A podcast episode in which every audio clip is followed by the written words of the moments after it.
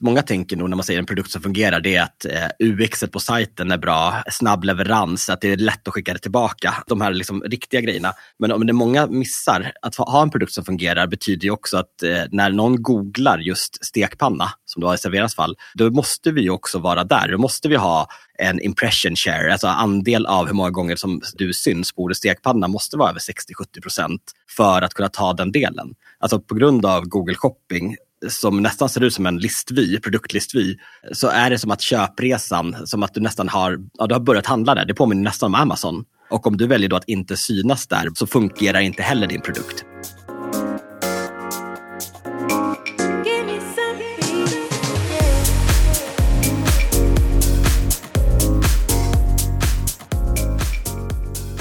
Det där var Nick Steger och du lyssnar på ännu ett avsnitt av Digital marknadsföring med Tony Hammarlund. En podd där jag intervjuar några av Sveriges främsta branschexperter och marknadsförare. Jag fick för ett tag sedan boken En jävel på e-handel som Nick Steger och Arash Gilan har skrivit och blir nyfiken på att gräva djupare i hur de främsta e-handlarna arbetar med marknadsföring. Så jag bjöd in Nick till podden för att prata mer om det.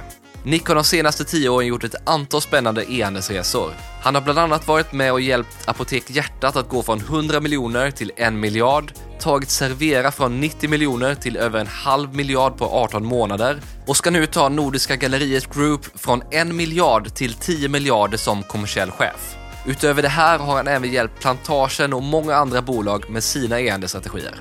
Vi pratar i avsnittet om hur de mest framgångsrika e-handlarna arbetar med marknadsföring och hans främsta insikter och lärdomar från de e-handelsresor han har varit med på.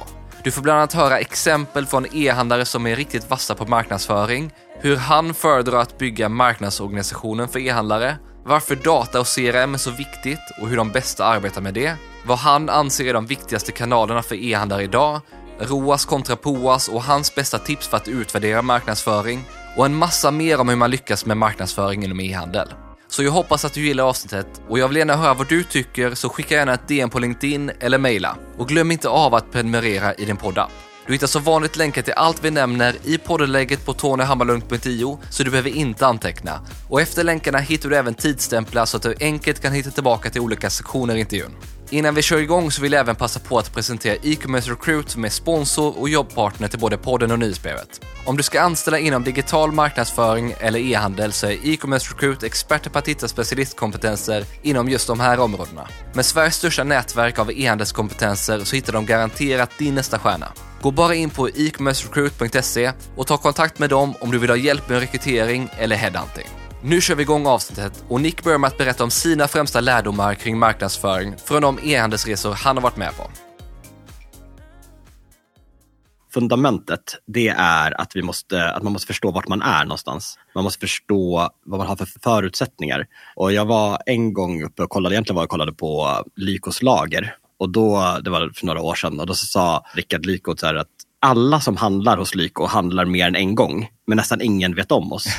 och, sen, så, då, då, så här, och, och, vi hade ju börjat se, kolla på Lyko, hur gör de? Hur gör de för marknadsföring? Alltså man, det är väldigt lätt att man springer på duktiga e-handlare. Men då så kom jag på att Servera, alla vet vilka Servera är. Vi hade en varumärkeskännedom på 70-80 procent. Men de som handlar, handlar bara en gång. Alltså det var verkligen låg eh, retention. Och det som det egentligen betyder, och så förstå det här fundamentet, och det här är ju vilken, det som det egentligen betyder är att Lykos produkt fungerar. Alla kunderna blir nöjda som handlar igen. Serveras produkt fungerade sådär eh, under den tiden, men alla visste vad det var. Så vi behövde inte bygga varumärkeskännedom. Utan vi behövde, vi behövde jobba superlångt ner i tratten. Medan Lyko, sen e- efter det så kunde man se det, deras marknadsföring tapetserad över hela stan, alltså i alla storstäder och jobbade sjukt mycket topp. Liksom, så det är en helt olika skillnad. Så där, alltså det, liksom det första är förstå vad du är så att du inte börjar så här, äh, identifierar olika andra e-handlare och försöker springa på någon e-handel. Så det där var liksom en, det är så här, en, av mina, en av mina stora aha-upplevelser till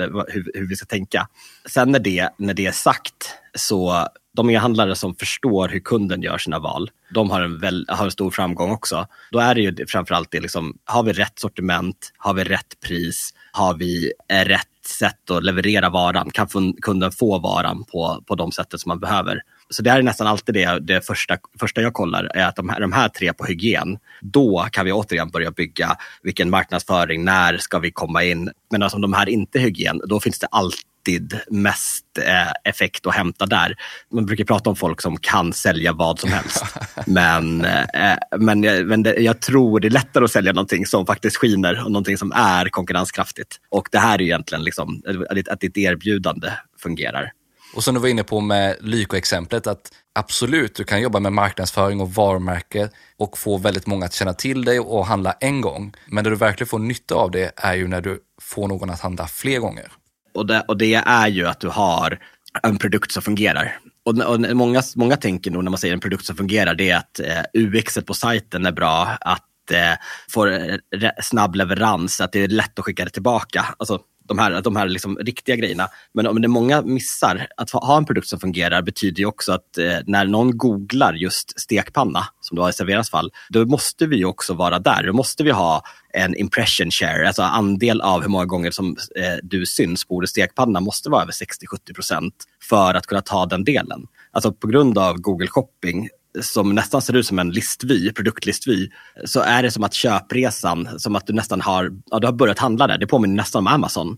Eh, och om du väljer då att inte synas där bara för att ja, av, av någon annan anledning så fungerar inte heller din produkt. Då kommer du inte, då visst, du kommer, det blir ju att du betalar ju en peng till Google och du köper, gör det köpet, alltså köper, du köper kunden igen.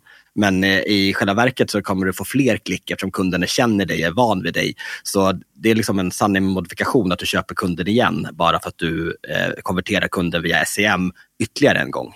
Finns det några andra insikter som du har tagit med dig från de här olika bolagen som du har varit på? Jag har varit väldigt mycket på bolag som har både online och offline och kommer från offline. Så jag tänkte ta lite på den. Men, det, ja, men en superstark effekt det är det här Google Store Visit. Och det, de som har både online och offline eller tar, gör sig den resan att nyttja Store Visit-datan för att eh, förstå att kundresan är, ja men börjar digitalt eller slutar digitalt eller förstå liksom att den är, kors och tvärs och allt möjligt. Och jag har, och, och jag, jag, har ett exempel när jag ja, men hjälpte ett, ett stort leksaksbolag. Och då i det här fallet då, så var jag använder min dotter som exempel för att liksom göra tyd tydliggöra det. Och det här fallet, de hade, de hade väldigt mycket butiker, nästan ingenting online. Min dotter älskar de här Schleich-hästarna, små hästar som man köper, ja, svindyra. Och det, hon säger till mig, Nick, jag vill ha, pappa jag vill ha de här äh, hästarna. Och det första jag gör är att googla det såklart. Det här varuhuset eh, har nästan ingen, det är med franchisekedja, liksom, så de har nästan inga, ingen, ingen handelsprodukt. Och det som händer är att de kom inte ens upp i min första träff, utan Amazon kom ju mycket högre upp och lek mer kom högt upp och så här. Och så, okej, okay, men jag löser ju det. Men jag har ju den här, den här kedjan, bor jag 200 meter ifrån och vi är där på riktigt en gång i månaden för att det är mysigt, för att vi gillar den. Och ändå så kommer inte det top of mind. För min intention var direkt att googla den här form, form av häst. Om de då hade haft kanske en penetration på 20-30 procent online så fanns det ju en självklarhet att de skulle synliggöra, alltså köpa SEM. Alltså nu, kommer, ah, nu blir det väldigt mycket performance-drivet här, men, men det i sig gör att, att, att ha en stark e-handel hjälper butikerna. Det är väl det som är budskapet.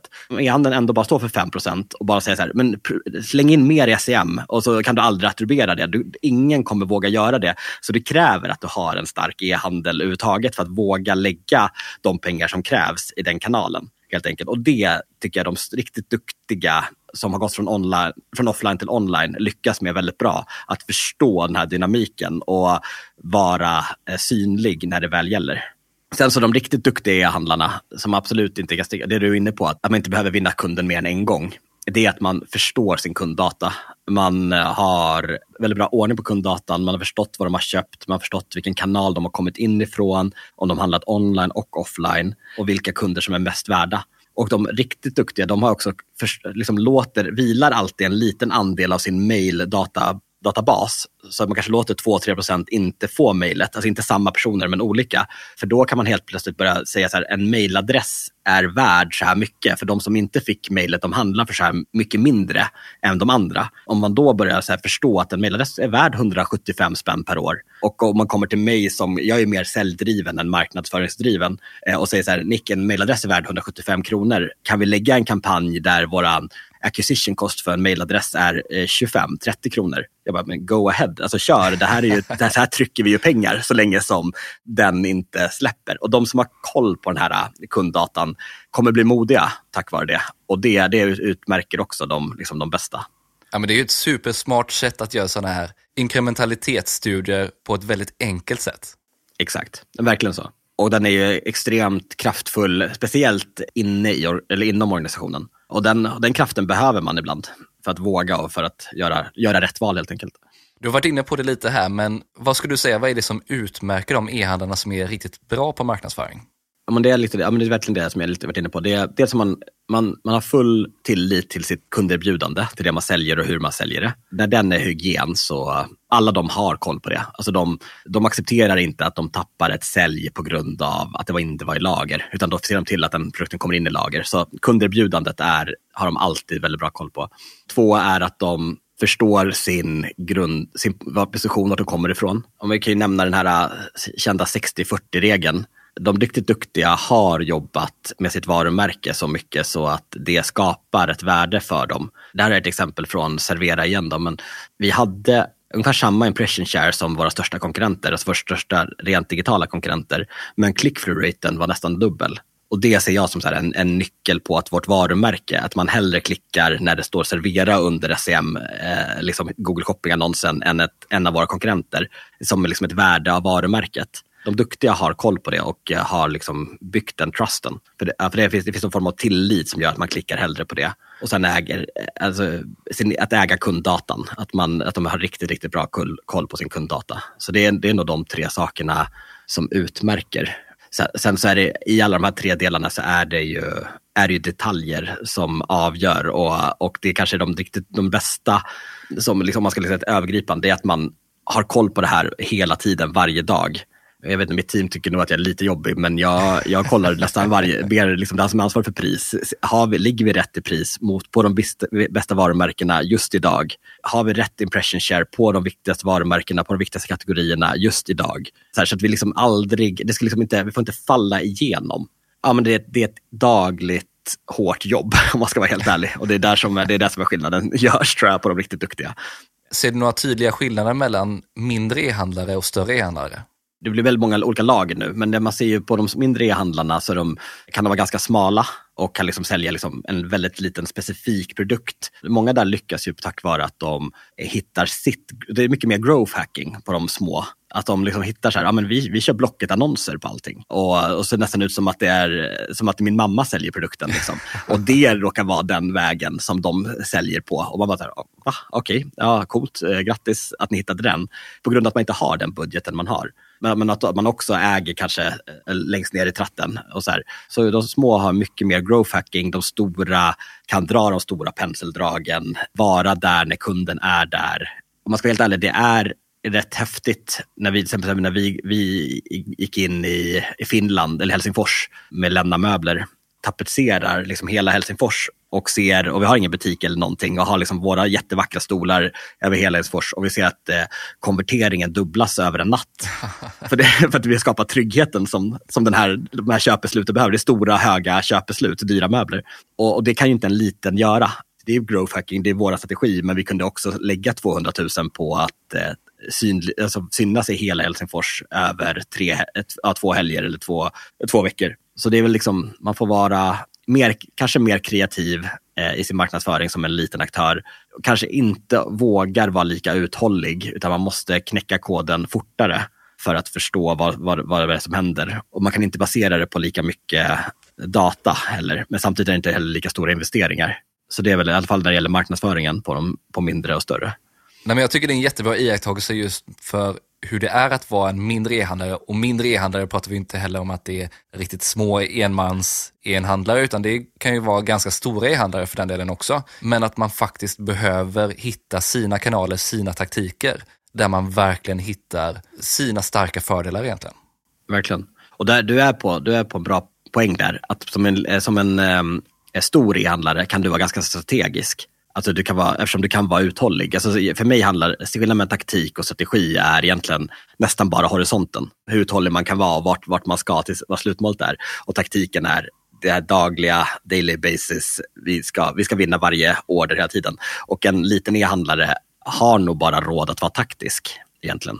Och behöver se payoff relativt fort innan, de, innan, det, innan pengarna är slut helt enkelt. Det är nog, det är nog så enkelt om man ska vara krass. Men sen är det väl också att när man är en stor e-handlare eller ett stort företag så måste du också finnas i många fler kanaler. Du måste göra väldigt mycket mer för att du har en organisation och ett företag som kräver väldigt mycket mer intäkter än en lite mindre e-handlare. Då. Ja, det är en bra poäng också.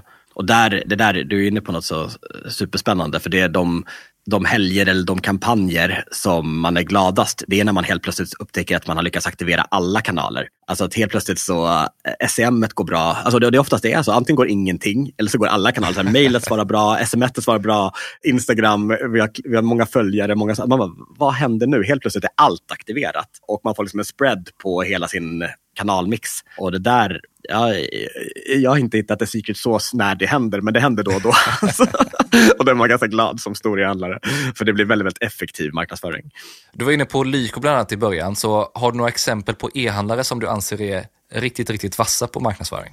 Ja, jag kan i alla fall ge exempel på exempel på exempel som riktigt vassa handlare har gjort när det gäller marknadsföring. Sen så är det så svårt, det, är, alltså det, det, vi var inne på tidigare är ju att marknadsföringen är helheten. Så, men, ja, men jag var ju på, i apoteksbranschen och var på Apotek Hjärtat. Och då fick vi, satte, vi oss, satte vi verkligen i halsen när Meds körde sin, sin kampanj med eh, Måns Zelmerlöw.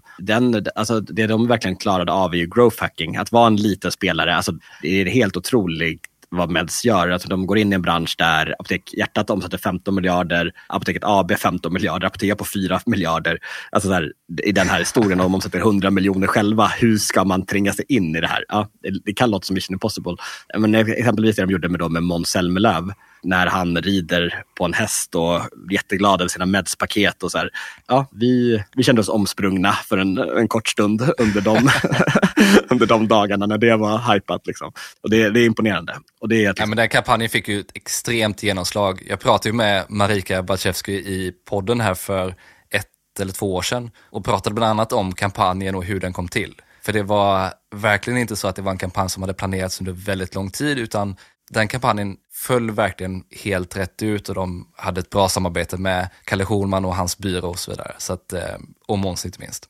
Ja, hatten av helt enkelt. Men sen så, vi brukar prata om att liksom e-handeln har haft sina olika faser. De, den första fasen av e-handeln, det var ju liksom att ta av de behov som redan fanns bolag som gjorde det bra då under den fasen, så här Royal Design som la sig, byggde ett brand som var helt okej, okay, eller som är bra, men vann alltid pris och leveransmatchen. Och liksom vann alltid där behovet fanns och var, syndes alltid när någon googlade på just det de googlade på. Hade superbra koll på sina Google-feeder, I guess, eller där är det bara gissningar. så, att det liksom, så att de alltid syndes i rätt tillfälle och liksom, eh, fångade kunden precis vid köpbeslutet. Och det var ju, det var ju fas ett. Sen har ju Royal utvecklat sig. Men sen så var ju fas två, det var ju den här äh, fasen då man liksom skapade produkten själv. Då D2C-bolagen, de digitala D2C-bolagen eh, gick eh, direkt till to consumer-bolagen som Daniel Wellington eller Happy Socks och så här. Och de, de skapade behovet. Och det självklart tar, man, tar jag med, och Daniel Wellington är väl med i alla de här exemplen.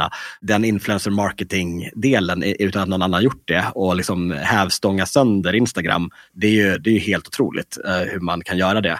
Sen vet ju alla hur det har gått för Daniel Wellington efteråt. Men det som händer nu, det är att man måste vara extremt duktig på att ta behovet, men också skapa behovet. Det räcker inte att bara vara där och grabba när det behövs. Och det är den fasen vi, vi är i nu. Och jag har inte superbra insikt i det här bolaget, men min dotter är ridtjej. Så jag tänker liksom, om man lyfter Maja Delores som pratar extremt mycket om att bygga community och bygga det här eh, hur det som egentligen är hästcommunity helt enkelt och bygga det med sina kläder, med sitt varumärke, med sina kanaler eh, och få liksom, kunden att hänga med Maja Delores i, på en extrem nivå. Och jag menar, om det är någon, min, om någonting min dotter har, det så är det tid.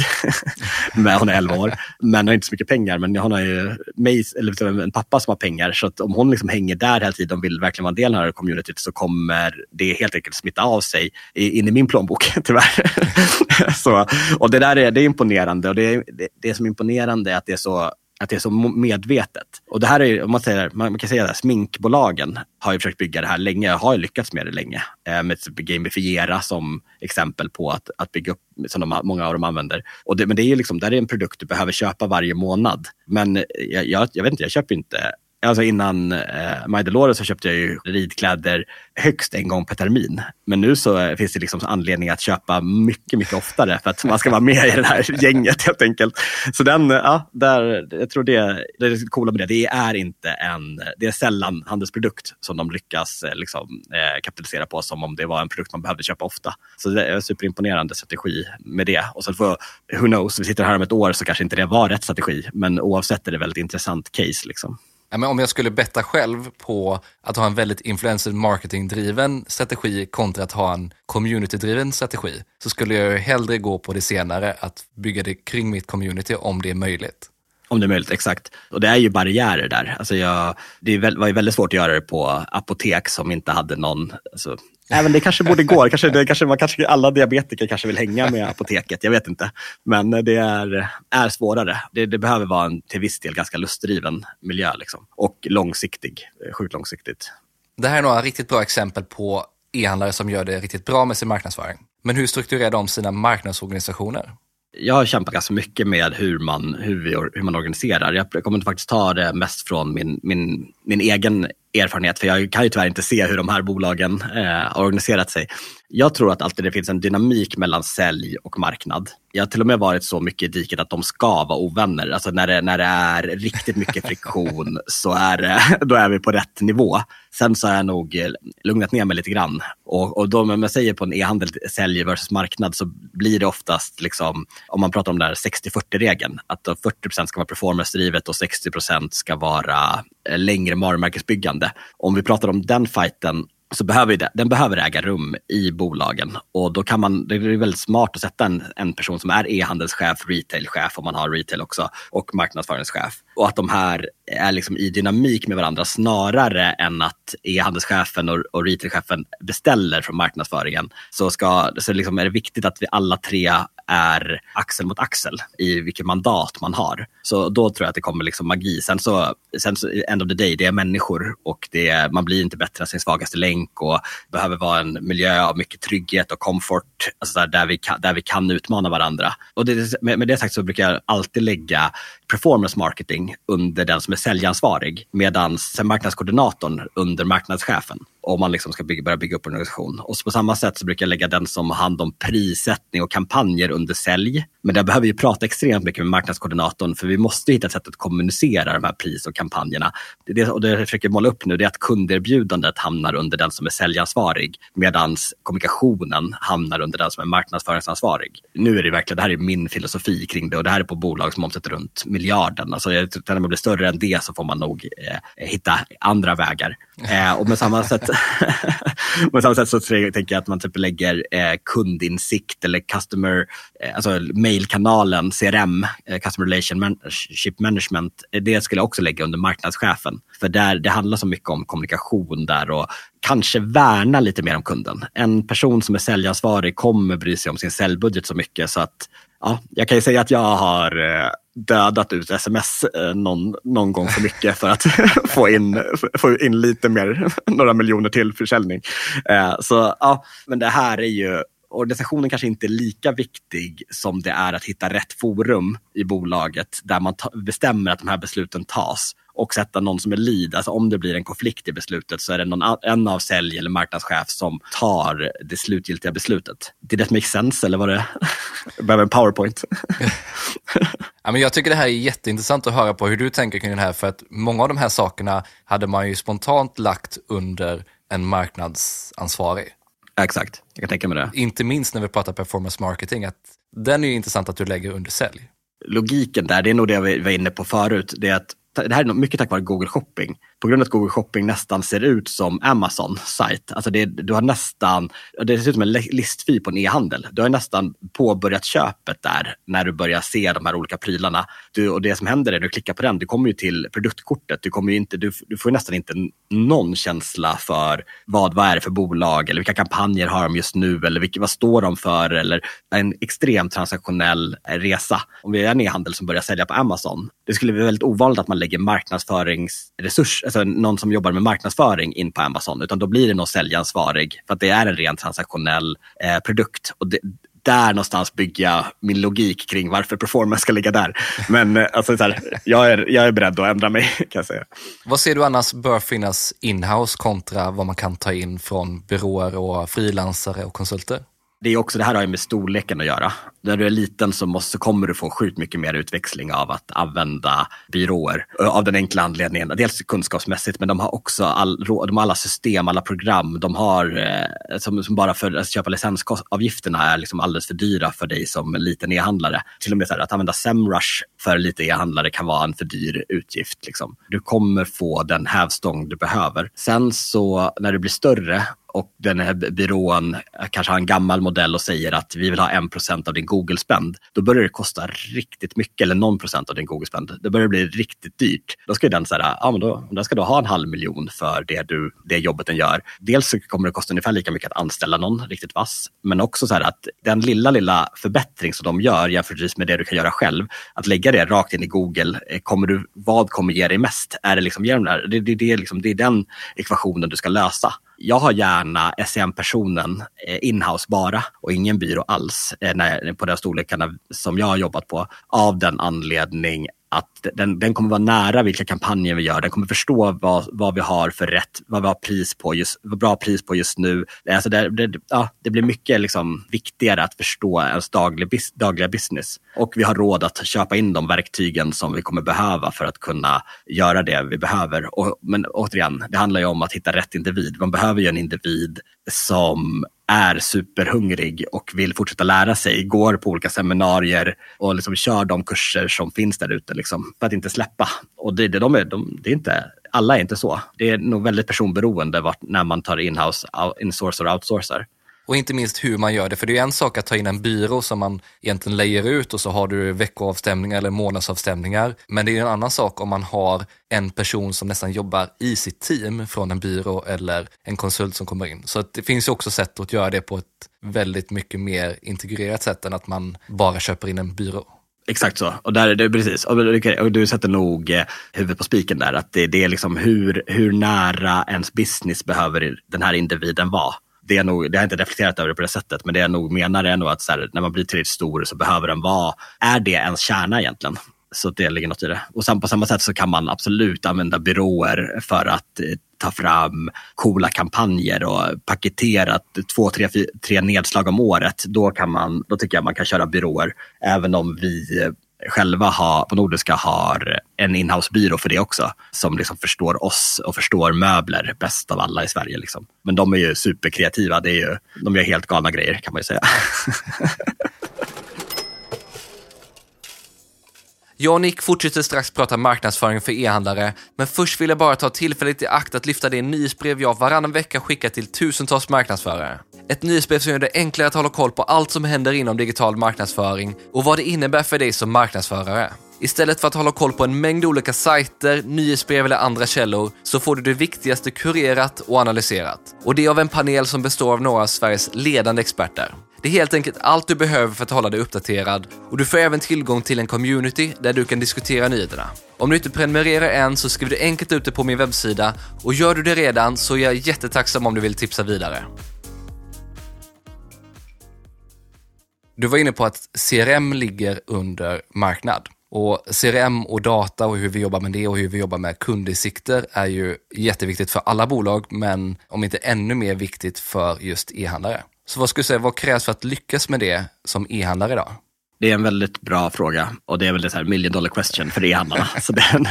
eh, ett sätt som jag brukar se det på så är det egentligen en e-handlare behöver ha ordning på tre datamodeller från början. Och det är orderdatamodellen. Alltså var ska orden, hur, vad är i orden, ska vi splitta orden? Alltså där, det, det, nu blir det lite så e-handel 101. Men det, det, behövs förklaras. Sen så det andra är produktdatamodellen. Vad, vilken produkt är det här? Vad har den för olika attribut? Hur stor är den? Kan den skeppas logistik? Eh, tål den, är den teflon? Är den, tål den eh, tvätt? Beskattning, alltså allt det där som kunden måste ha veta för sitt köpbeslut, vilka bilder, allt det. Och sen det tredje är kunddatamodellen och vilka kundattribut finns. Om man har ordning på de här tre datamodellerna så kan man bygga en riktigt bra e-handel. Och det jag ser är att man gjort för mycket genvägar i sin tillväxtresa, oftast med alla tre. Men om vi då pratar om, pratar om nu är ju, är ju, kund, är ju kunddatamodellen. I det här fallet så är det liksom att försöka värdeförädla sin kunddatamodell så mycket det bara går. Att du ger en annan anledning för kunden att ge sitt personnummer om, vi, om du gör en e-handlare i Sverige. Det kommer ge dig extremt mycket värde. För med, med personnummer så har du rätt att köpa data från tredje part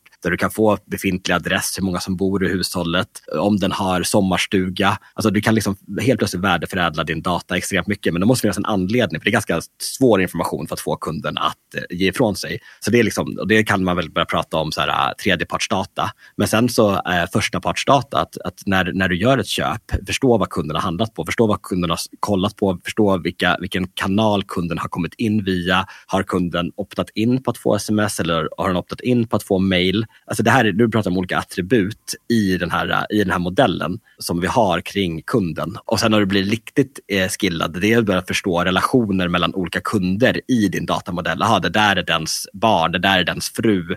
De här kommer få samma reklam. Då är det på en ganska, då är det på en väldigt avancerad nivå. Om du kan liksom formulera ett problem väldigt, väldigt tydligt, då har du gjort halva lösningen. Och lite så är det liksom, när du börjar jobba med datamodellen, då kommer du börja förstå vilka möjligheter du har med vilken utväxling du har med det här.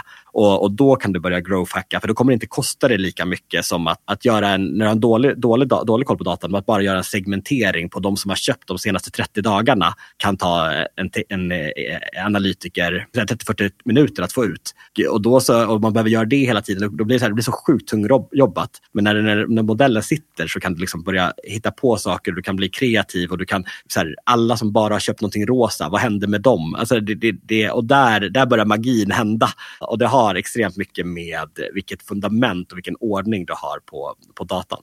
Vad har du sett själv i de organisationer som du har varit i, eller för den delen andra framgångsrika e-handlare? Vad är det som de gör riktigt bra?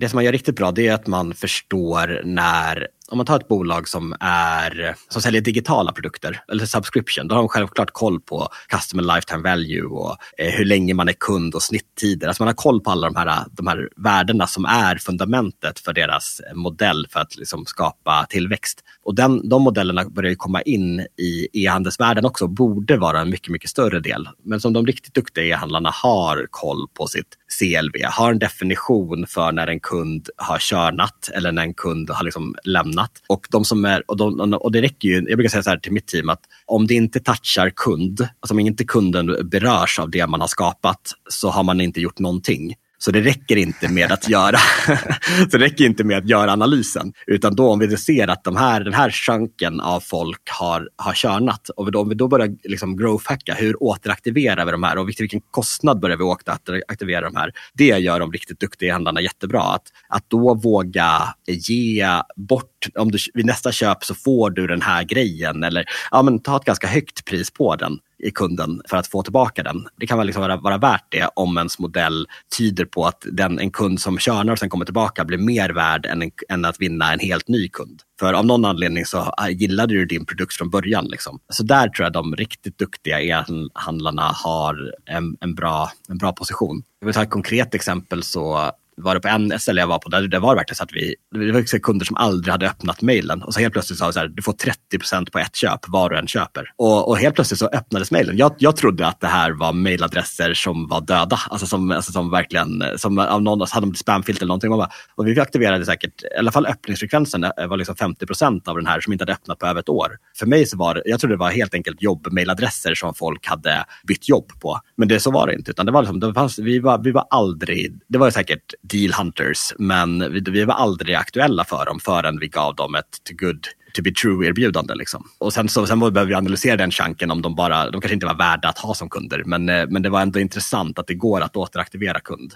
Då kommer vi in på just att aktivera den här datan, att inte bara ha en bra datamodell i grunden, utan att faktiskt se till att göra någonting med den. Vad anser du är de viktigaste kanalerna som e-handlare och hur jobbar man med dem på ett bra sätt? De viktigaste marknadsföringskanalerna för e-handlarna, det är ju, det är ju som sagt många, men vi skulle kunna, liksom, eh, CRM tycker jag är superviktigt, alltså mailmarknadsföring eller hela kundinsikten. Paid eh, social är viktig fortfarande, det har börjat tappa, i alla fall eh, för de bolag jag har hjälpt. Sen så självklart SEM och då är ju Google Shopping är ju helt sinnessjukt starkt. Sen så ska jag vilja slå ett slag ändå för out of home det kan, det kan göra extrema skillnader, speciellt om du går in i en ny marknad. Eh, och även för oss så har tidningar och liksom äga vissa, vissa delar av vissa tidningar varit extremt viktigt också. Det skulle jag säga är de fem viktigaste, om man bara får välja fem. Men om vi börjar med CRM då, vad är viktigt där? Ja, men CRM är ju liksom navet i din marknadsföring. För att när du börjar förstå vilka kunder som verkligen älskar dig, då är det ganska lätt att hitta andra som är likadana som dem. Om du upptäcker att det är kvinna, storstad eller man, landsbygd eller whatever, så är det dem du kan, liksom kan nyttja och försöka hitta fler kunder av. Dels hitta fler som kan signa upp sig till nyhetsbrev, men också att du liksom delar, ger dina bästa deals ut på Facebook och så vidare på den vägen. Något annat som är starkt det är ju marketing automation. Alltså att du skapar olika triggers eh, på din sajt eller ja, i din eh, kundklubb. Och det kan ju vara allt ifrån, jag kommer ihåg på Servera så hade vi, när du köpte en Rörstrandstallrik så hade vi ett mail som gick ut, grattis till en bra start på, på din sa nya samling. Det här finns också på Rörstrand. Eller du köpte en kniv, kom, så här vårdar du din kniv. Eller du köpte stekpanna. Alltså de, de där mejlen har extremt hög öppningsfrekvens. Och dels så är det alltid bra för hela mailservern, men det som också var bra med det var att vi liksom skapar, eh, man, man håller i kunden lite längre. Och, det, och de där mejlen är väl, inte, absolut inte krängiga, men ger en väldigt bra effekt. Och sen det klassiska, så här, du har en kund har inte handlat på tre år, eh, eller ett år eller två år, och du är nära på att ramla ut. Och hur väcker vi upp de kunderna? Ha koll på det. D där är ju mailkanalen extremt stark. Och sen det som har hänt senaste åren, en del tycker hatar det, men att, vi, att det är så mycket sms. Men sms är ju också, det går verkligen att väcka hela sin kundbas med det. det är väldigt få, jag är väl en av de få, jag tror jag har 142 olästa sms, men de flesta har noll olästa sms. så att, det säger mer om mig. Finns det något annat som du ser är viktigt när man jobbar med e-postmarknadsföring just? det är väldigt lätt att eh, mejla för mycket såklart. Och att man, liksom, att man har en väldigt, väldigt hård segmentering. Om man ser att vissa grupper inte öppnar kampanjmejlen utan öppnar bara varumärkesbyggande mejlen eller eh, inspirerande mejlen, då ska man ju fortsätta skicka den informationen till dem. Och sen de som, öppnar ba som är bara dealhunters får bara de mejlen. Så man liksom jobbar hårt med sin segmentering eh, så att man inte övermejlar. Sen så en annat bra tips det är att få in alla konfirmation, alla, all, all, all mail via samma server. För det mail som öppnas oftast är ju liksom konfirmationen på din order eller leveransbekräftelse. Vi har sett case där man öppnar leveransbekräftelsen 11-12 gånger, alltså i snitt för att man är så eager. Och det, eh, mailservrar älskar ju det. Det här är ett superviktigt mail för den här personen. Så och då, får man liksom far, då, då blir man ganska trygg med att man inte kommer hamna i spamfilter senare. Men det är väldigt många e-handlare som låter vissa alltså så här, transaktionella mail gå via en annan server och sina information, informationsmail, ja, i nyhetsbrevsmail och marknadsföringsmail, gå via en annan server. Men att få in dem i samma är verkligen ett stort, ett bra tips för att få liksom, kvaliteten på servrarna att fungera bättre. Just engagemanget från mottagarna är ju extremt viktigt, både öppningsgrad, hur många som klickar i mejlen och så vidare. Ja men exakt, och jag, kom, jag kom på det någon gång, det var ganska länge sedan, men jag såg att 45% av alla mejl i den databasen vi, som jag jobbade på då var Gmail. Och då var det så här, jag bara shit, först tänkte jag så här, ja vi är oberoende av Google eftersom vi har så många eh, följare. Och sen så insåg jag så här, fasiken, de kan ju bara så här, säga att det här ska hamna i någon skräppost så är vi beroende igen.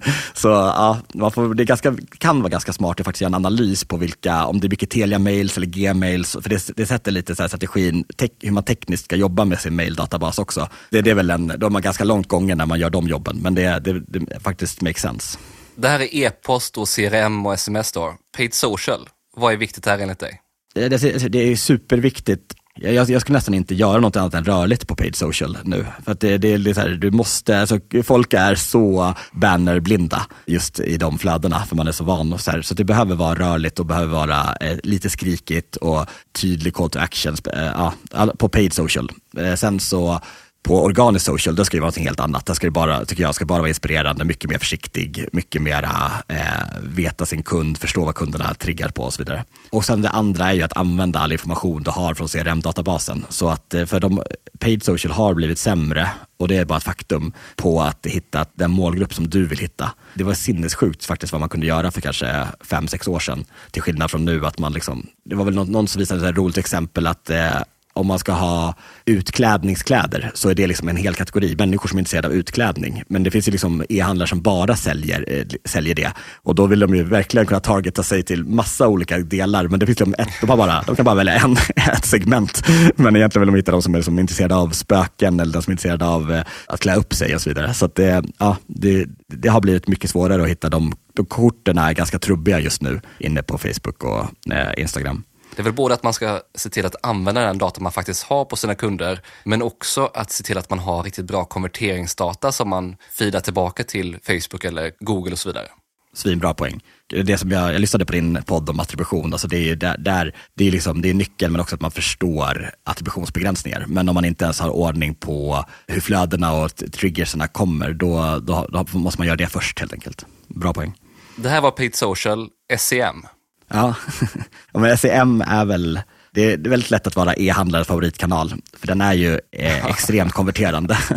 Sökintent är så sjukt starkt. Det, det, det, finns få saker som är viktigare än söket. Det var någon som sa att man alltid är emot reklam tills man tappar bort sin katt. Och med det sagt är det väl att man då börjar liksom marknadsföra sin katt.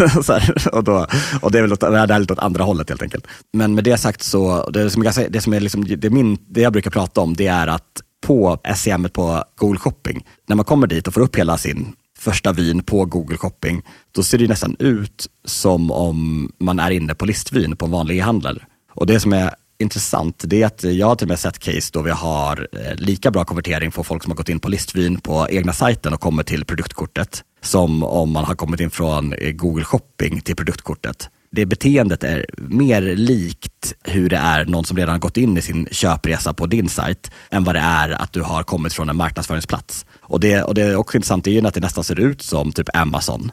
Eh, några tips när det gäller Google shopping. Det är så här, ha ordning på dina priser, eh, ha ordning på feederna, alltså Google-feederna, Google-feederna, Google-feederna, alltså vad, vad du verkligen vill ha med i dem. Det är superviktigt. Det andra är att du har en, en bra bild och kanske en annan bild, speciellt om det är en leverantör som, säl, som säljer, till, eller en, en produkt som säljs hos många olika, då kan det faktiskt vara ganska bra att välja bild två i din datafeed så att du, du sticker ut någonting jag vet att vi gjorde, någon gång gjorde vi en fuling och liksom satte en ram runt så. Eh, det ökade klickfrun extremt mycket, men jag tror inte Google är superfan av det. Och sen det andra, det är att få in de här stjärnorna. Vilket betyg har de här fått? Och jag, jag, det ökar klickfrun otroligt mycket och jag vet inte om det har med stjärnorna att göra eller om, man bara, om bara det, det produktkortet sticker ut. Du får liksom ett par hundra pixlar i gul färg på just ditt produktkort om du har stjärnorna där eller inte.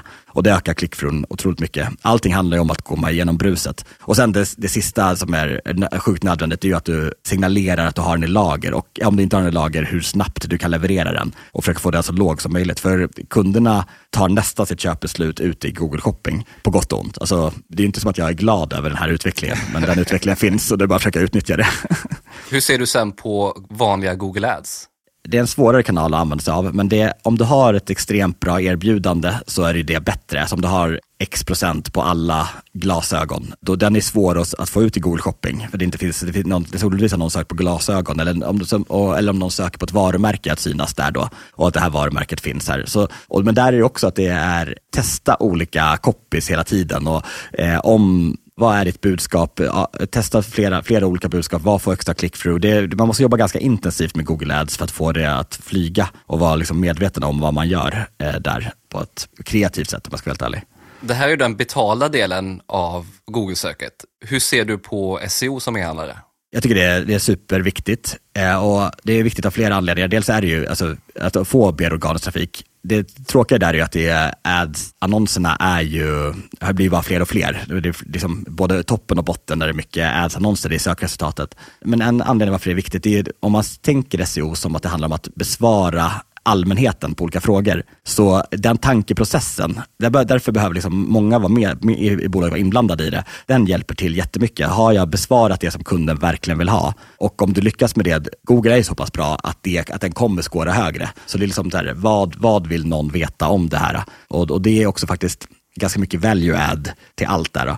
Så därför är SEO viktigt. Och sen så tycker jag att SEO också kan hjälpa dig med, med AdWords. Så att det liksom, om man liksom gör på dynamiskt sätt så kan Google på lättare sätt snappa upp vad du faktiskt försöker sälja om det är bra SEO och bra content. Och det kan hjälpa dig med dina datafider och sådana saker också. Det finns, det finns, lite, det finns mera synergier. Och sen så finns det väl det här att försöka komma ner i long, long tail-söken, de konstiga sökningarna. Och där, här är jag absolut ingen expert, men det, det är också spännande när man liksom kommer åt det. Det kanske bara finns 5-10 sökningar, men man får alla de 5-10 sökningarna per år på de orden. Och det, men det, för det finns ju, alltså jag kommer inte ihåg vad det var, men det var flera miljoner olika sökningar som har varit alltså, på de som har kommit in på vår sajt. Liksom. Och så det handlar extremt mycket, det är mycket, mycket om longtailen där. Eh, och där finns ju massa strategier för att lyckas med det. Den sista av kanalerna som du tog upp innan, som för mig var lite oväntade, var ju Out of Home. Varför ser du att det är en så viktig kanal för e-handlare? Det har ju lite med vilken produkt man säljer, måste jag vara tydlig med. Och, och, det, och det, den produkten man säljer, det handlar extremt mycket om hur lång är köpprocessen om man säljer eh, någonting för ett par hundra, då kan köpprocessen från att man har sett, jag kommer ihåg något ställe jag var på, man såg annonsen till man hade gjort sitt avslut. Det kunde, de, av de som gjorde avslut var, var i snitt så 30 minuter. Medan vi som säljer på Nordiska, som säljer väldigt liksom, dyra saker, kan det vara eh, 30 dagar tills man gör sitt avslut. Så det, det är någonting och då behöver man vara top of mind under längre tid. Och då hjälper out of home eh, ganska mycket med att, ja ah, just det, det här varumärket står för de här sakerna. Du kan, liksom gå med, du kan gå med mer känslor i det. Och, du, och om du gör out of home, då ska du gå med mer känslor. Det, det är liksom absolut mitt tips. Sen så om du går in i ett nytt land och så går du med out of home, då, då kan det skapa också en stor trygghet. Det här bolaget är här på riktigt. Det är, inte bara, det är väldigt svårt att uppleva som stor på nätet, eller hur? Men när du liksom väljer att ta över en hel stad med ditt kampanjbudskap eller med, din, med ditt varumärke, det skapar, oh, aha, de är så stora. Okay, de, de syns i alla tunnelbanor och de är här för att de vill vara här på riktigt. Och där finns det också väldigt tydliga resultat på det. Och sen så är det ju ett long game, alltså du, spel, du spelar det spelet väldigt länge, som du har valt att ha andra sidan, alltså om vi tar tidningar istället då, om du valt att ha andra sidan i Svenska Dagbladet, så behöver du göra det över en lång tid så att läsarna vänjer sig vid att, okej, okay, där, där är den annonsen och den, den har en koppling med mig. Den, den, finns alltid på köksbordet och så vidare. Så äh, ja, det är väl liksom väldigt kort om varför Out of Home är viktigt. Har du några bra exempel på där e-handlare har använt sig av just Out of Home? Ja, absolut. Lyko har väl använts extremt mycket av Autohome. Man blir nästan förvånad ibland att man har sett så, så mycket Lyko-reklam. Och de har ju varit väldigt konverterande i sin marknadsföring. Men där, och där var det väl exakt så att det var, att varumärkeskännedomen var ganska låg, men många av de som handlade på Lyko handlade flera gånger. På Nordiska galleriet äh, äh, tapetserar vi ofta nere i tunnelbanan, även på Länna det, det som var roligt med det, det gav extremt stor spridning även digitalt för att det var många som fotade av den för de tyckte marknadsföringen var så snygg. Eh, och det, det, det, blev man ju väldigt glad över själv. Och, så här. och då, ja, då, vi är ju ett spektra där vi är nära design och konst och därför får väl, är det lite lättare att göra den, att göra reklamen snygg helt enkelt. Det här är då viktiga kanaler för e-handlare enligt dig. Men innan vi körde igång förut så pratade vi en hel del om ROAS kontra POAS. Så det hade varit kul att höra dina tankar kring hur man ser på det och hur man som e-handlare utvärderar sin marknadsföring på ett bra sätt. ROAS och POAS, det är ju en av de, det är mina käpphästar när jag kommer in i ett, i ett nytt bolag och liksom får till det att fungera. För det är, det är lättare sagt än gjort. Och det var för tar, eh, då är det return on ad spend, alltså hur mycket försäljning får du på hur mycket du säljer. Och då, då blir man så glad om man får 12-15 på det du gör, beroende på vilken attribution du använder såklart. Men det andra är profit on ad spend. Och det här är absolut viktigast på SEM. Och anledningen varför profit on ad spend behöver tas in, det är för att priserna har blivit så otroligt dynamiska. Så du kan ju, ibland kan du ha 40% marginal på en produkt och sen kan du ha 15% marginal eh, bara några dagar senare. Då är det viktigt att du marknadsför rätt produkt. För annars så, Google kommer ju gå på vilka klick den får in, för du betalar fortfarande CPC även på det här. De betalar inte en del av din revenue, det är inte uppsatt så. Utan de väljer CPC och om du har väldigt billigt pris, då kommer du få fler klick på det. Men om du själv då har ställt in med profit och ad spend, att du, den här artikeln ska ha en profit och ad spend på fem, då kommer, då kommer den nå sin budget mycket snabbare, för den kommer driva fler klick eftersom erbjudandet är starkare än någon som har liksom högre profit. Och det här, det här kommer göra sån otrolig effektivitet i din marknadsföring. För du kommer ju vilja marknadsföra saker som du har bra marginal på helt enkelt. Om du vet med dig att du alltid har 45% marginal, då spelar det ingen roll. Då kan du köra revenue och adspend på allting. Men det här är för att marginalerna har börjat fluktuera så otroligt mycket.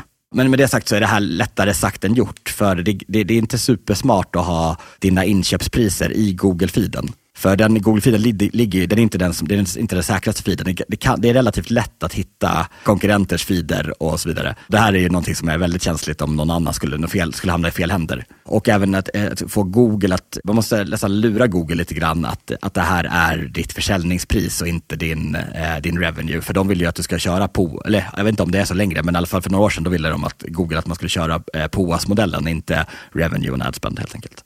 Det här är då fördelarna med att jobba med POAS som e-handlare. Vad finns det mer som är viktigt när man utvärderar sin marknadsföring? Ja, men utöver det så är det superviktigt att du kör noggrann med UTM-taggar och liksom slarv, börja inte slarva med det. För ibland så behöver man göra någonting fort och så struntar man i en UTM-tagg. Och så här, jag har gjort det flera gånger på sms och då förstår man inte liksom sms-marknadsföringen och så vidare. Men UTM-taggar är ju liksom en självklarhet i all marknadsföring så du i alla fall får, ordning på, får reda på vilken kanal som driver den trafiken som du eh, producerar. Även om du jobbar med, nu har vi inte pratat om influencer marketing, men det är också en viktig del såklart och där är UTM-taggar ännu viktigare skulle jag säga. För det, eh, influencer är duktiga på hjälpa dig med ditt varumärke, men driva trafik har, eh, är ganska sällan deras specialitet. Och då, då kan de hävda att de har drivit massa mer trafik än vad de har gjort. Och så, ja, så UTM-taggar är en superviktig del där. Sen så är det att du använder i alla fall liknande attribution när du utvärderar din marknadsföring. Om du ser attributionen i Facebooks verktyg versus attributionen i Googles verktyg och så, ser, så får du båda då presentera till dig, då kommer man bli, kommer bara bli förvirrad. Så bestäm dig för en attribution och utvärdera den och, och om den blir bättre så blir troligtvis din marknadsföring mer effektiv. Sen så ska man vara ödmjuk och så här, vad är det du vill uppnå med din marknadsföring?